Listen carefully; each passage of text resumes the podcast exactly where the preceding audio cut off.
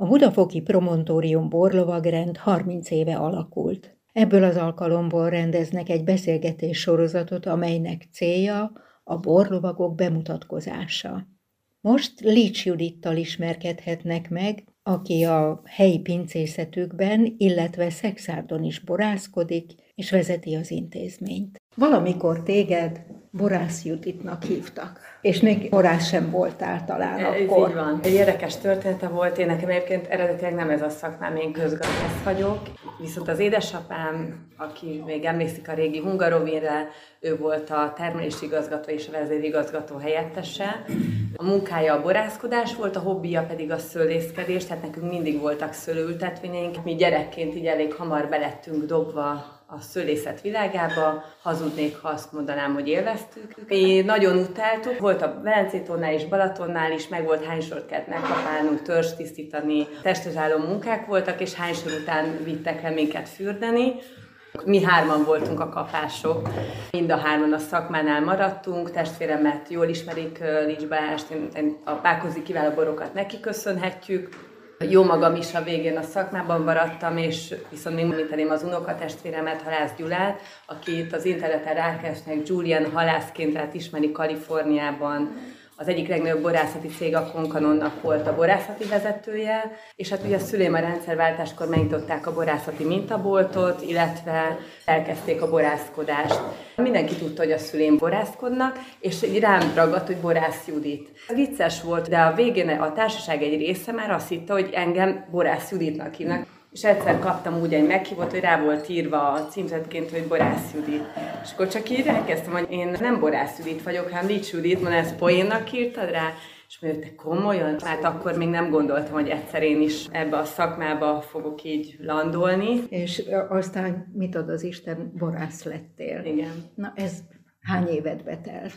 Nem nagyon szerettem volna a családi vállalkozásba eleinte dolgozni, mert azért számos konfliktus is, meg így szerettem volna inkább magamat megvalósítani, viszont én dolgoztam Ausztriában egy kongresszus szervező cégnél, és ott a tulajdonos, aki a apukám korabeli volt, beszélgetett velem, és ők is egy családi vállalkozás voltak, és azt mondta nekem, hogy Judit, nagyon jó, hogy világot jár, lásson világot, tanuljon, de egy ilyen vállalkozást, mint az önöké, nem szabad otthagyni, az csak a jövő generációja viheti tovább. Mm. És ez a mondat nagyon a fejembe maradt, és ezt úgy gondolom, így is van. És egy ilyen vállalkozást csak tudásra és gyakorlattal lehet tovább vinni. Nekünk most egy 80 hektáros szőlőültetvényünk van, 11 ezer hektoliter kapacitású csak a budafoki pincénk. Egy ilyen vállalkozás egyik napra a másikra a nyakamba szállna, vagy csak a fele, és én ez nem értenék, nem értenék az adminisztrációs részés, mert az is nagyon kemény dolog egyébként, és az egész hátteréhez kb. egy év alatt lehetne tönkretenni, tehát én egy év alatt csődbe mennék. Ezt az ember az így mélegre tette, és úgy voltam vele, hogy igen, ezt kell csinálni, meg kell tanulni, és egyébként őszintén elmondom, hogy nagyon szeretem, tehát én, én nagyon élvezem. Mikor szeretted meg? Ez úgy folyamatosan, ugye először a borkostrókba kapcsolódtam be, utána egyre inkább a borászkodásba, a szőlészetbe. És a szakmai ismeret? Édesapától? Édesapámtól a pincészetben, illetve a, a testvéremtől. Ugye az együtt kóstolások során nagyon sokat lehet tanulni. Igazság szerint ezt a gyakorlatban lehet nagyon ezt a szakmát megtanulni, és hát azért beiratkoztam ugye a borászati szakközépiskolának is a tanfolyamára. Egy nagyon neves iskola, nagyon nagyszerű tanárokkal, és sors borászati iskoláról van szó, tehát ott lettem papíron is borász. A lelkedben mióta vagy borász? Ugye bele születtem ebbe a szakmába. Nekünk ez a bor, ez a bor körül misztikum, ez természetes volt minden nap. Tehát ugye az édesapámnak az egész baráti köre borral foglalkozott, tehát mi mindig ezt hallottuk, mi ezt magunkba szívtuk a testvéremmel. Ez hosszú folyamat, míg az ember eljut oda, hogy megtanulja a szőlőt, a telepítést, ott kezdődik, hogy milyen fajtát, uh-huh. hova választok a telepítést. Megtanulom, hogy mikor kell születelni, a feldolgozást, a területeken egyes parcellák mit tudnak, mit szeretnek, a mustot föl tudjuk mérni, tudjuk vinni ezt a folyamatot végig, és eljutunk, ugye ez folyamatos kóstolás, tanulás, tapasztalat, és eljutunk oda, hogy már elkezdünk házasítgatni, és ez nyilván engem így vitt vele a család, édesapám, testvérem, elkezdünk házasítgatni, kóstolni, miből mi várható placba, hogyan fog alakulni. Ez egy hosszas folyamat, még az ember eljut oda, hogy már maga is egyre többet mer csinálni, és egyre többet tud. Emlékszel még az első borodra? Ez milyen volt? Ezek azért mindig ilyen közös borok. Hát egész család megkóstolja, és mindenki elmondja a véleményét. Tehát az első, a Nora borát mondanám, és a bikavért. Abban több munkád van? Több munkám, és a több munka alatt azt is értem, amikor már kicsit így jobban belemertem szólni, tehát éreztem magamba azt a magabiztosságot. Akkor mondtam apunak, hogy ugye ott vannak a szexári ültetvényénk, és nincs bikavérünk, hát ugye a szexernek az egyik alapbora, alapküvéje, és hát addig-addig hardoskodtam, még összeállítottunk egy küvét, és, és akkor ez lett a szexádi bikavér. Hát apu egyből kedvet kapott, miután rengeteget nyert, országos borversenyen aranyérmet, a legjobb, legmagasabb pontszámot nyert a bikavérek között. Most nem is tudom, annyi díjat nyert az az első bikavérunk, hogy ez 2012-ben volt egy 2009-es évjáratú bikavér egyébként. Hogy élted meg ezt a sikert? Nagyon boldog voltam. Nagyon boldog, de az egész család boldog volt. És hát a másik a Nora Bora, az pedig egy rozé küvébor volt, kislányomról, Nóráról kapta a nevét, és hát az első Nora Boránk is egyből aranyérmet nyert az országos rozé borversenyen, de azért ez nem mondanám csak így az én boromnak, mert én mellettem azért mindig ott áll az édesapám egy hatalmas szakmai tudással és háttérrel, illetve a testvérem szintén egy nagy nemzetközi tapasztalattal, tehát azért nálunk az összes bor úgy készül, hogy mi összeülünk, és senki nem dönt egyedül, hanem megbeszéljük, és mindannyian rábólintunk, hogy akkor ez így menjen. Inkább azt mondom, hogy itt én voltam az ösztönző. Két különböző szőlőterületet emlegetsz. Ugye ez két történelmi borvidék, a Szexárdé, és ugye ez a Egyek Budaihoz tartozik a Pákozdé. Igen. Igen. Melyik az, amelyik a szíve csücske? Egy idő után elég nagyra nőtt a mi vállalkozásunk, hát nem az, hogy nagyon nagyra, de ahhoz nagyra, hogy át kellett itt gondolni a struktúrát. A szexádi borvidéken levő szőlőterületek lettek az enyémek, lényegében azt irányítom meg hát a budafoki részen is a borkostrókat, illetve itt is én vagyok többet a, a budafoki borászatban. A pákozott egyek budai borvidéken lévő pákozi pincészetünket meg egy az egybe a testvérem vezeti.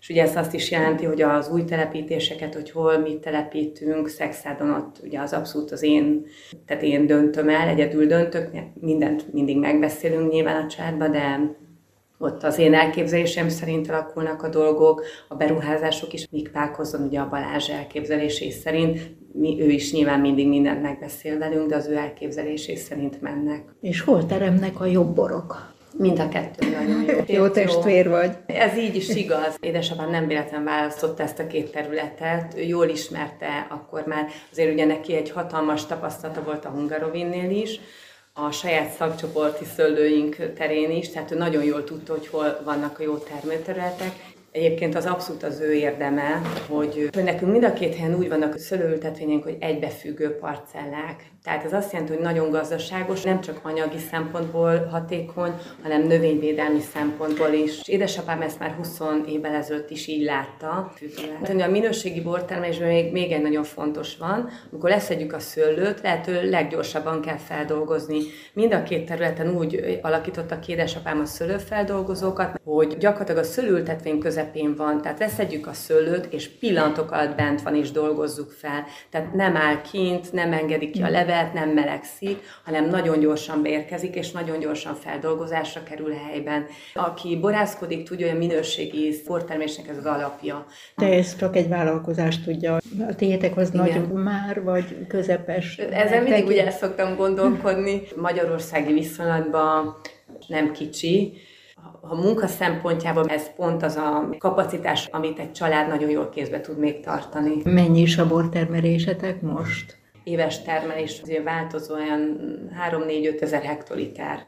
Ez az, amit ti saját magatok termeltek. Igen. Na ez a tiszta sor. Látni lehet, hogy miből mi lesz, ugye? Igen. És nem egy idegen alapanyagot kell valahogyan átgyúrni hát, a igen. saját ízlésedre. Elnézve téged, hogy egy ilyen törékeny alkatú hölgy, egy ilyen férfias szakmában van is ezzel bajom. Alkotónál fogva nagyon sok munkát nem tudok úgy elvégezni. Azért a szőlőfeldolgozóan hatalmas tartályok vannak, azokon csak meghúzni egy ajtót, az férfi erő kell, vagy szerelvényeket összeszerelni. Vannak pontjai, amiben igenis megmutatkozik, hogy ez egy férfi szakma. Hát arról nem is beszélve, amikor a Ugye én a pályázatoknál a traktor beszerzéseket, a gépbeszerzéseket ugye szexádon én intézem, és én nagyon szeretem érteni, átlátni, hogy, hogy ezeket hogyan kell karban tartani, zsírozni, szerelni, de mindig oda lyukadok, hogy tudom, hogy hogyan kell, csak nincs meg hozzá a fizikai erőm, és akkor mindig oda hívok valakit, vagy a férjemet, hogy akkor ezt kell csinálni, és csinálja. Na, ilyenkor érződik, hogy azért ez nem feltétlenül női szakma ebben a tekintetben, Viszont van előnye is, úgy Igen. tudom, mert hallottam, hogy a nők nagyon jól kóstolnak. Az érzékszerveik érzékenyebbek. Igen. Van benne valami, így van egyébként. Én azt gondolom, és azt sem mondanám, hogy jobban kóstolom, mert nagyon sok nagyon jó kóstoló férfi van. De neked papírod is van róla. Igen, arról is van.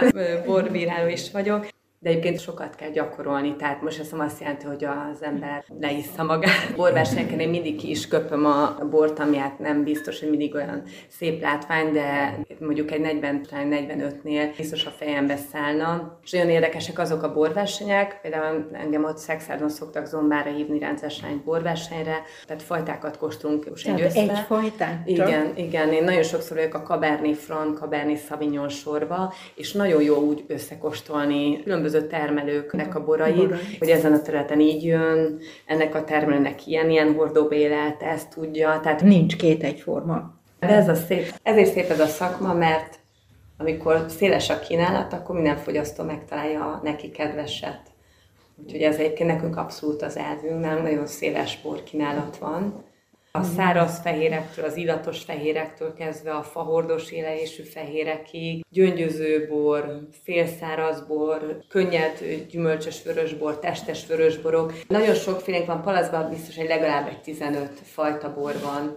És egy, egyébként én borkostót is úgy szoktam összeállítani, az embernek ennyi idő után van nagy tapasztalata, hogy milyen náció mit kedvel, illetve kik jönnek és mit szeretnek. Tehát lehet, hogy nekem mondjuk az írsai a kedvencem, nem biztos, hogy a nagy közönségnek is az.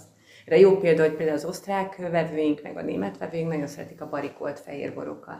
Én nem vagyok nagyon odaérte személy szerint, de ők viszont nagyon kedvelik ezt a típusú nehéz vaníliás jegyeket hordozó fehér borokat. Hány éve vagy a szakmában? A szakmában igazság szerint onnantól vagyok, hogy visszajöttem és beálltam a családi vállalkozásba, az, az 2003. Igen, után? Meg én voltam aztán az Egyesült Államokban is, és utána 2003 körül. 2006-ban szereztem meg papíron is a borász végzettséget, és akkor utána... Hát lassan 20 éve. Igen. És egyébként sok alázat kell hozzá, mert mindig rend az ember, hogy még mit nem tud. Én erre mindig hogy még ezt meg kéne tanulni jobban, jobban tudni, meg mindig új technológiák jönnek, amiket megismer az ember, akkor azt is meg kell tanulni, azt is ki kell ismerni, ki kell tapasztalni. Mit tanultál külföldön? Én egyébként kint Ausztriában egészen más területen dolgoztam, kongresszus szervezésen, ami ott egyébként a Igen. szakmához kötött, az, az volt, hogy Grinzingbe nagyon sok vendéget vittünk. Én akkor már jól ismertem a budafoki pincéket, tekintve az, hogy édesapám ugye így dolgozta le az életét, mm hatalmas pincerendszer, és hogy mennyivel többet tudna, és hogy milyen ö, turista áradat van Grincingben, hát mi emeletes buszokkal vittük oda a vendégeket. Az emberben ilyenkor felmerült az, hogy Budafokos sokkal inkább lehetne, mert sokkal hitelesebb, mert itt Budafoknak hatalmas előnye, hogy itt működő borászatok vannak, amit igazság szerint egyedülálló, majd nem a világon, Európában biztosan. Az ide érkező vendég gyakorlatilag egy abszolút hiteles környezetbe találkozik a borral. Ottól a bor élelő, működik, palackozzák, készül, és magával az a személyel tud találkozni, aki ebbe aktívan részt vesz. Itt 5 méter széles, 5 méter magas belmagasságok vannak, ugye ez egy pincág, ahol most ülünk. Vannak olyan pincék, ahol csak vezetéssel lehet bemenni, mert eltévedne az ember olyan labirintus rendszer. Olvastam, hogy a Budafoki bornegyed ötlete tőled származik? Van némi közöm hozzá, talán én mindig úgy gondoltam, hogy Budapest, bornegyede Budafok, és ez nem lesz, meg nem építjük, hanem ez az, csak nem ismerik. Ugye a mi pincészetünkre azért azt kell tudni, hogy csoportosan látogatható, ez 1700 négyzetméteres működő borászat. Érdekes mondatok hangoznak el, amikor bejönnek a borászatba, külföldiek, hogy úristen, mi van itt, Budafokon, Budapesten, mert ebben ez a fantasztikus, hogy ez Budapesten. A legjobb mondat, hogy ezt jól titkolják. Tehát ez viccesen jelzi azt, hogy mennyire nincs róla igazság szerint információ, ami nekem fájó, hogy ez budapesti kommunikációban kéne, hogy benne legyen. Budapesten egy látnivaló az, hogy van egy negyedünk, ahol rengeteg borpince van, borászat. Nyilván attól függ, hogy milyen látogató érkezik. Ugye vannak ezek a tipikusan inkább vendéglátó egységeknek mondanám, mint a garapince, vagy a közösségi pince, ahol a borászkodás nem folyik, viszont borkostoltatás igen, és akkor azok a valós borászatok, akik viszont azt a közönséget tudják kiszolgálni, akik nyilván egy nagyobb csoportban érkeznek, meg tudnak látogatni egy működő borászatot és ott bort kóstolni. Tehát itt mindenféle szegmenset ki lehet valójában szolgálni, de hát erről nem igen van tájékoztatása. És hát ugye a nagyságát, hogy mi tükrözi, ugye itt a Budafoki Borfesztivál az egyik legrégebbi borfesztivál, igen. Budafoki pincékre épült. Fő Itt dolog a, a bor volt, a helyi borászatoknak a borai, és utána jelent meg a kultúra. Végig kísértem, hogy futott föl. A Kossuth utcát azért kellett lezárni, mert annyira megnőtt az érdeklődés a budafoki borászatok iránt, hogy lényegében a hömpölygő tömeget életveszély volt kiengedni az utcára. Tehát nem lehetett abba hagyni a pincesétákat. Egyszerűen elment a hangunk két nap alatt, nem bírtuk hanggal, meg torokkal. Tehát egy hatalmas felfutása volt, amit nem köszönhetett másnak, mint a hitelességének, mert borfesztivál mindenhol található, ma már minden kerületben van több is, mindenhol ugyanarra épül, hogy faházak vannak, a faházakban borászatok, a borászatoknál kóstolni lehet. Ezelől egy kivétel volt Budafok, ahol nem faházakba kóstoltak, hanem pincészeteknél. Annyira egyedülálló, kiváló, hogy ilyet máshol, se Budapesten, se más városban nem lehet csinálni. Igen, de itt vannak ezek a pinceséták. Megérdemelne nagyobb hírverést. Érdemes végig gondolni, hogy milyen kincseink vannak. Igen. Egy dolgot szeretnénk mindig hangsúlyozni, Budafokon egy vonzerő van, és nem szabad soha, hogy elveszen a sok között a gyerek. A budafoki borászatok és az ő boraik, és ha erre épül egy rendezvény, akkor az működni fog. Ha nem erre épül, nem fog működni, mert ez vonza gyakorlatilag a tömeget. Tehát nálunk a kiállítás nem vonzott az embereket, a kiállítás azért volt jó, azért jöttek szívesen a kiállítók, mert a borászatunk annyi vendéget vonzott, hogy nagyon sokan megtekintették a kiállítást. És ha erre fókuszálnánk, és ezzel próbálnánk megfogni a közönséget, hogy gyertek ide, mert itt ezek a pincék vannak, ezek itt működő pincék, ezek a pincék ilyen eredményeket értek el, és ezeket a borokat itt és itt kóstolhatod, arra jön ki a tömeg. Tehát én kicsit ezt hiányolom, de nagyon elismerem a munkájukat a szervezőknek, átesve majd az összes gyermekbetegségen, egyszerűen azt gondolom, hogy egy nagyszabású rendezvény lesz. 2014 ez a nevezetes igen. év, amikor te a, lovag igen, lettél. A... Nem te voltál az első női lovag promontórium. Biztos, hogy nem. Én 92-ben alapult. A borlovagrendek általában egy olyan helyen alakulnak, ahol bortermés, szőlőtermelés folyik, hát nagy hagyományra tekint vissza. Az alapító tagok a helyi nagynevű sors borászati szakközépiskolának a tanárai voltak, ha jól tudom. Gazdag Laci bácsi, Márkus Pál, Bakos Gábor, Deák Lajos, Domján Károly, igen. Úton a Gazdag Laci bácsi volt a első nagymester, és utána dr. Urbán András, a borlovagrend elkezdett bővülni helyi szakemberekkel, amiben akadt itt bőven. Aztán később ugye a, a helyi borászatoknak a tulajdonosai, a borászai. A borlovagrend ellát egy ilyen hagyományőrző, hagyományteremtő szerepet is, kultúrált borfogyasztás, minőségi borfogyasztás, itt a, a budafoki boroknak a tekintélyének a megtartásában, a reklámozásában, tehát ebbe is hatalmas szerepet játszik. Ugye a legnagyobb rendezvénye a Budafoki Pesgés Borfesztivál, amikor talán a legtöbb borlovagrend szokott megjelenni, és hát egyéb rendezvényeken is szerepel, és nagyon sok rendezvényt szervez a borlovagrend. Neked milyen szereped van? Mit vállalsz, melyik feladatot? Miután mi helyi borászat vagyunk, én azt gondolom, hogy nekünk a legfontosabb dolgunk ennek az alapját, a minőségi bort megteremteni, tehát amikor Promontor, Bolovagrendről beszélünk és Budafokról, akkor nagyon fontos, hogy itt minőségi borok legyenek. Nagyon sok hazai, nemzetközi borversenyen értünk el nagyon szép eredményeket. Országos rozé borversenyen, országos borversenyen, Vinagóra nemzetközi borversenyen, Syngenta borversenyen, sőt a Borok olimpiának nevezett Franciaországban megtartott Dublinen is nyertünk, rendszeresen bent vannak a boraink a top 100 magyar borválogatásban. Nagyon jó helyen van azon belül is. Nagyon igyekszünk a budafoki boroknak a nevét öregbíteni a díjainkkal is. És hát nagyon szívesen veszek részt egyébként egyéb rendezvényeken is, ugye a pincénk, látogatható pince a borfesztiválon, és nagyon szívesen adunk bort a különböző Promontor Bolvagrend által tartott rendezvényeken. Sőt, jótékonykodtatok is. Igen. Nem is olyan régen volt, 21-ben? Igen. Volt egy 22 küvé nevű borunk, ami ugye Budafoki 22. kerületről kapta a nevét, de a teljes tételt felajánlottuk egy jótékonysági célra. A bevételt átutaltuk erre a célra, konkrétan egy családnak, akinek onnan, hogy kislánynak már nem kislány, de amikor vele történt egy, hát hogy mondjam, tragédia, akkor ő még egy 14 éves gyerek volt, a Budafokon történt vele ez, a, ez az eset. Azért az elsődleges célunk az volt, hogy csendben segíteni. Nem szerettünk volna semmiképpen sem reklámot csinálni ezzel magunknak, inkább őszintén segíteni annak, aki erre rászorul. Ez nagyon nemes dolog. Még mindig érdekelne az, hogy mit tanultál külföldön, mert töredékeiből már tudjuk. Hol tanultál meg jól angolul?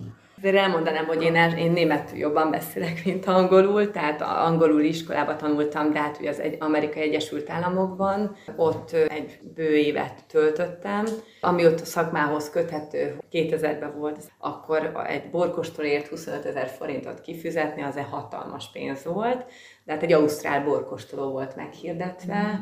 És hát úgy gondoltam, hogy hát ilyenen se fogok minden nap részt venni, úgyhogy elmentem. Egy ilyenekre azért is érdemes elmenni, mert az ember azt is megtanulja, hogy különböző mm. kontinenseken egészen más ízlés van egyébként a borok terén, de szerintem még Európán belül is nagyon érdekes volt. Ugye nekem a legnagyobb tanulsága az volt, hogy ők mennyire más tartanak szépnek. Lehet, hogy amit, amit mi itt szeretünk Magyarországon vagy Európában, az nem biztos, hogy egy, ha azt exportálni szeretnénk Amerikában, Ausztráliában megállna a helyét, mert teljesen más ízlés van. Úgyhogy ezt ezért érdemes, ez főleg azoknak a cégeknek gondolom, akik exportra orientáltak, hogy azért ott nagyon kell tudni a célországnak az ízlését is ahhoz, hogy ez egy sikeres export legyen, hogy ismerjük a, annak a nációnak a, az ízlésvilágát. Bocsánat, a Lics pincészet exportál? Nagy export tevékenységet nem folytatunk, de lehet Lengyelországba, Svédországba, Ausztriába, főleg éttermekbe nem viszünk el, ők jönnek igazság szerint. Borokért mi azért főleg a hazai piacra termelünk.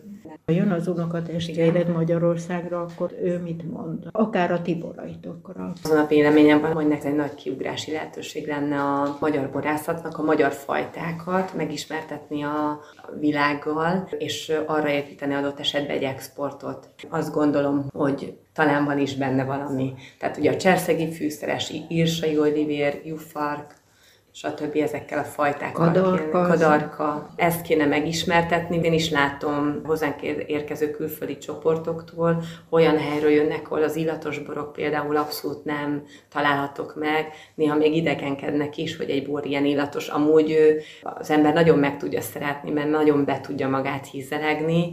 Lényegében, hogyha ezt megismertetnénk jobban kint külföldön, és ezt kötnék Magyarországhoz, akkor erre lehetne talán egy komoly exportot építeni tulajdonképpen a jövőt mondtad el most, de a cég életében is érdekelne, hogy mit terveztek, illetve hát említetted, hogy van egy Nóra nevű lányod, De van egy kisfiad Igen, is, három. és már ők is bekapcsolódtak valamilyen szinten, az egyik nevet adott, a másik pedig. Ő a... hozzá bikavér kapcsolódik, az első bikavérnek a címkét rajzolta, igen, az Áronkám, ő a nagynyertes bikavérünk címkéjét. És hát ők úgy vannak velem, mint én, hogy ebbe bele születtek. Beleneveltétek őket. Ő, nem is lehet őket kihagyni, mert ugye ők is azt látják, hogy otthon kóstolunk, a csádi összévetelken állandóan borról van szó, már néha sok is. Kisfiam például gépészmérnök szeretne lenni, és annak a egy alapja van és oka, hogy kiskorában nem tudtam vele mit kezdeni nyáron, ugye augusztusban készítjük el a feldolgozott a szüretre. És mit tudtam mit tenni, mit vittem magammal. Hát ugye akkor a gépeket próbaüzem, zsírozzuk, karban tartjuk, szétszedjük, összerakjuk, és hát ott állt a feldolgozó szín, és, és csodálta. És kérdezte tőlem, hogy anya, kik készítenek, kik tervezik ezeket a gépeket. Mondtam, hogy szerintem gépészmérnök. Elsős volt, amikor megkérdezte a tanítónénit, hogy ki mi szeretne lenni, és akkor mondta, hogy ő most borász, de a nagy lesz gépészmérnök lesz. És, és ő azóta, és most 16 éves, és rendíthetetlenül gépészmérnök szeretne lenni. Van egy nagyon régi kis öreg kis traktorunk, és azt engedik a szüleim, hogy ő szerelje. Kislányom is, ő nagyon sokat van a szőlőben, olyan aranyos, ugye nagyon sok idősebb asszony dolgozik nálunk, és akkor viszik a szalonnát, hagymát, kenyeret, a kislányom is megy, ő és becsomagolja a szalonnát, hagymát, kenyeret, és akkor leül velük a sor végére szalonnázni. Úgyhogy ő, ők, ők ugyanúgy beleszülettek, mint én, ugyanúgy törzs tisztítat velük édesapám, türeteltek. Ő nekik ez abszolút a vérükbe van, Gratulálok, Judit! Köszönjük szépen Köszönöm ezt az ismertetést. Meghívást és a lehetőséget. Lics Judit borásszal Somogyi Ágnes beszélgetett.